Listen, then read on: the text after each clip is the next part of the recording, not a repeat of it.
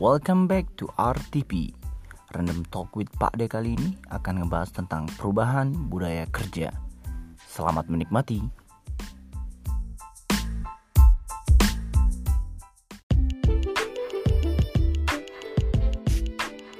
Kemudian setelah masuk budaya kerjanya juga ya beda lah. Kita Oke, dulu kan situasinya eh, masih apa namanya bukan bottom up lah ya, lebih top down lah beberapa pemimpin. Artinya karena mereka masih gaya-gaya orang kayak 80 70 gitu kan Hmm, bos-bosnya. hmm. Jadi dia masih lebih menekankan Bossy. bagaimana ya atasan mengatakan ini dan kita harus ngikutin Oke, gitu kan Oke.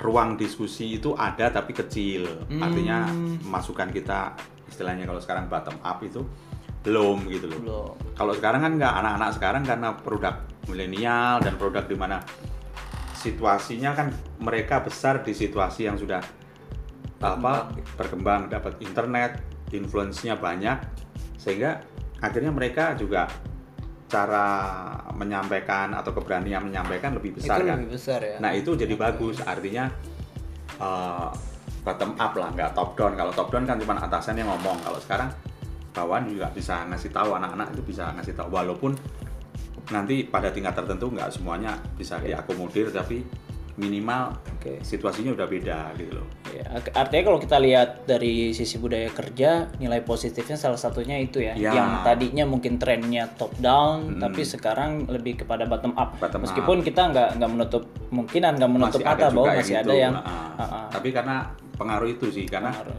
kita juga udah banyak orang-orang yang sudah belajar di luar, Ya. pimpinan, terus kita juga sudah dapat referensi yang dari luar sehingga akhirnya keberanian kita untuk ngomong, Ya. terus apa pimpinan-pimpinan yang dia ber- sekolah dari luar Ya. lebih terbuka kan, Iya artinya sih. ngobrolnya lebih asik gitu. Mm, Ya kalau kalau saya lihat kalau kita bicara bonus demografi yang di mana milenial itu persentasenya lebih banyak, Gede, ya. di situ memang eh, yang pada akhirnya memutuskan strategi perusahaan untuk Ya, Oh ya udah, karena kita segmentasinya lebih kepada milenial yang Hmm. konsumtif, yang apa aja di Diambil, diambil, dimakan, dibeli, di- dimakan dan lain ya. sebagainya, ya kan? Ah. Akhirnya ya udah eh, budaya kerjanya kita bentuk seperti itu juga. Ya. Hmm. Agar apa? Agar perusahaan juga bisa dapat informasi nih Ya, yang banyak dari saya lihat milenial kayak sekarang gitu. misalnya mungkin karena terinfluence dengan Google kan Hmm.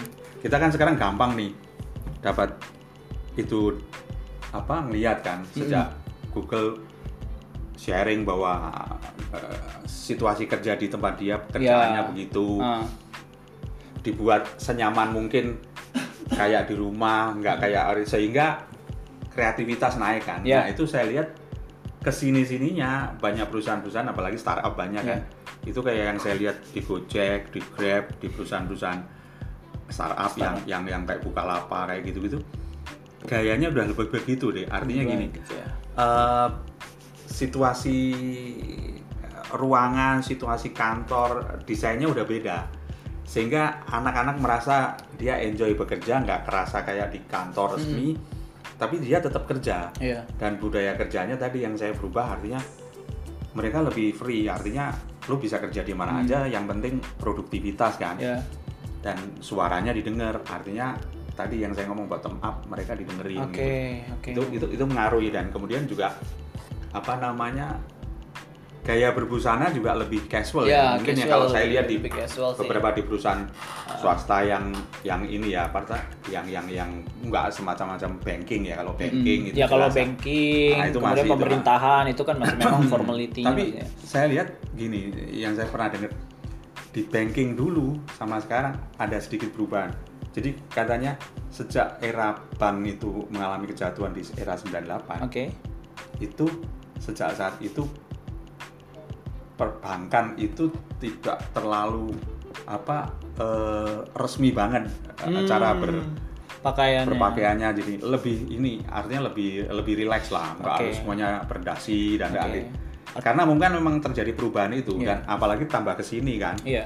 anak-anak itu Ya, ya kalau kalau saya rasa dari yang dulu-dulu banget Pak De sampai Hmm. sekarang memang yang hal yang perubahan mendasar itu ya lebih kepada budaya culture-nya sih. ya Sehingga memang eh, ya udah strategi perusahaan itu ingin mensegmentasikan lebih kepada ya udah deh eh, milenial Ya. dan sebagainya di samping itu menjadi demos de- apa bonus demografi tersendiri. Ya, karena menurut saya pengaruh kalau misalnya Pengaruh ya? termasuk situasi peker- lingkungan pekerjaan ya, termasuk cara berpakaian. Karena gini, begitu kita pakaian rapi, kita kebawa mesti resmi kan. Iya sih. Tapi begitu kita rada casual kayak misalnya anak-anak di Gojek pakai kaos pakai gini. Kesannya kayak orang bukan kerja, Ya. tapi sebenarnya bekerja. Ya. Tapi itu akhirnya mempengaruhi mindset, Ah. Mindset. mindsetnya berubah. Oke. Dia lebih kreatif, dia lebih Hmm. berani mengungkapkan ini. Menurut saya sih saya melihatnya sebagai Hal yang yang itu senior begitu sih. Oke. Tapi kan di samping hal positif perubahan Hmm. mendasar itu pasti juga ada hal negatif. Kira-kira kalau pada yang lihat nih apa ada ada sisi negatif nggak sih yang jadi Nah, kalau sisi negatifnya sih mungkin ada lah ya. Yang saya baca sekarang anak-anak milenial ini udah mulai malas kerja 9 to 5 ya. Itu 9 banget sampai itu banget benar-benar benar-benar. Karena gini, wah ngapain gua kerja-kerja terlalu lama gitu Hmm. kan. Sementara sebenarnya kalau dihitung work hour itu sebenarnya Anda hitung berapa sih waktu yang efektif Anda bekerja dalam sehari yang benar-benar Anda lakukan kerja? dua, tiga itu jam. 2 3 jam. Iya. Selebihnya Anda main game, Anda main buka internet, Iya. kirim-kirim itu sebenarnya itu. Diskusi dan nah, sebagainya. Karena itu yang saya baca, saya dengar di negara-negara tertentu di luar udah mulai dibatasin jamnya. Jam Kalau memang jam segitu udah udah pulang nggak apa-apa, ngapain daripada ngabisin waktu karena work hour kita sebenarnya maksimal itu cuma 3 4 jam itu udah maksimal yang Hmm. kita kerjakan sehari ya. Di satu sisi pada hal negatif lainnya mungkin yang saya rasakan juga kita ini sebagai milenial atau mungkin beberapa teman juga Hmm. ngerasain eh, kita tuh lebih nggak kepada sabaran gitu kita kita nggak sabaran Ya. untuk meniti karir bahwa wah gue selama setahun nggak buat banyak nih buat perusahaan ini Hmm. Eh, selama dua tahun gue nggak buat banyak nih oh udah dah gue pindah aja Hmm. akhirnya banyak eh, istilah kata eh, istilahnya tuh kutu lo- kutu loncat, Kutu loncat ya, yang terjadi yang Iya. saya lihat gini. Mungkin fenomena kutu loncat itu saya lihat lebih di Jakarta sih, Mas. ya Kalau di daerah, kebetulan saya pernah lama di waktu di TV itu di Surabaya. Jadi Hmm. saya mengalami situasi dunia pekerjaan di Surabaya. Setelah umur ini saya balik terus ke Jakarta, saya melihat frekuensi kutu loncat di Jakarta lebih tinggi karena satu di sini kan memang pusat semuanya. Hmm, kantor sini semua head office kan. Ya sementara kalau di daerah yang kita ngomong Surabaya ini kota kedua sebenarnya kan kantor cabang. Ya artinya secara struktur juga dia terbatas kan. Mm-mm. nggak mungkin ini. Nggak mungkin sampai struktur paling tinggi. Oke. Kalau di daerah kita paling mentok jadi kepala cabang lah misalnya kalaupun di perusahaan mana pun. Di sini kita bisa jadi sampai direktur sampai direktur utama lah. Artinya ada potensi itu. Jadi artinya eh, di sini kemungkinan untuk kocok loncat lebih besar karena ada peluang di situ. Nah sebenarnya buat saya sih kutu loncat oke fine gitu loh. Cuman yang menurut saya rada kurang di anak-anak ini adalah gini. Pada saat anda baru setahun atau setengah tahun kemudian anda kutu loncat itu sebenarnya anda belum dapat apa-apa secara ilmunya. Itu yang selalu saya ngomong pada yang anak-anak muda yang ini. Artinya lu mesti sabar 2 tahun dulu karena At dengan least 2 dua tahun, tahun itu ya. anda sudah dapat ilmunya. Artinya gini loh kalau anda orang sales anda minimal tahu lah bagaimana sih pola kerja orang sales satu itu. Terus bagaimana anda maintain klien bagaimana anda menyiapkan satu proses satu apa namanya misalnya anda dapat bisnis dari klien kemudian anda mesti nyiapin semuanya itu anda sudah belajar banyak hal kurang lebih dua tahun itu anda sudah mulai memahami tapi kalau anda setahun setengah tahun proses kerja itu anda belum belum paham. Pada saat anda belum matang anda pindah. Akhirnya apa?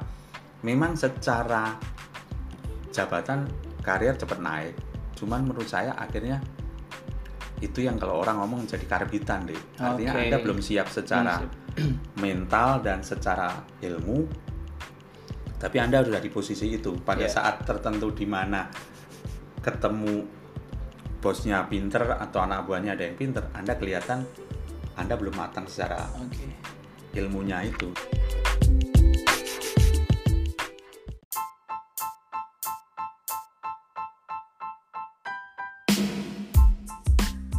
Oke teman-teman cukup sekian random talk with Pak di kali ini. kalau lo merasa bahwa apa yang kita diskusikan bermanfaat buat lo dan teman-teman silahkan share. Boleh tag gua juga di @akhfarid a c h f a r i d. Dan cukup sekian sampai ketemu di episode selanjutnya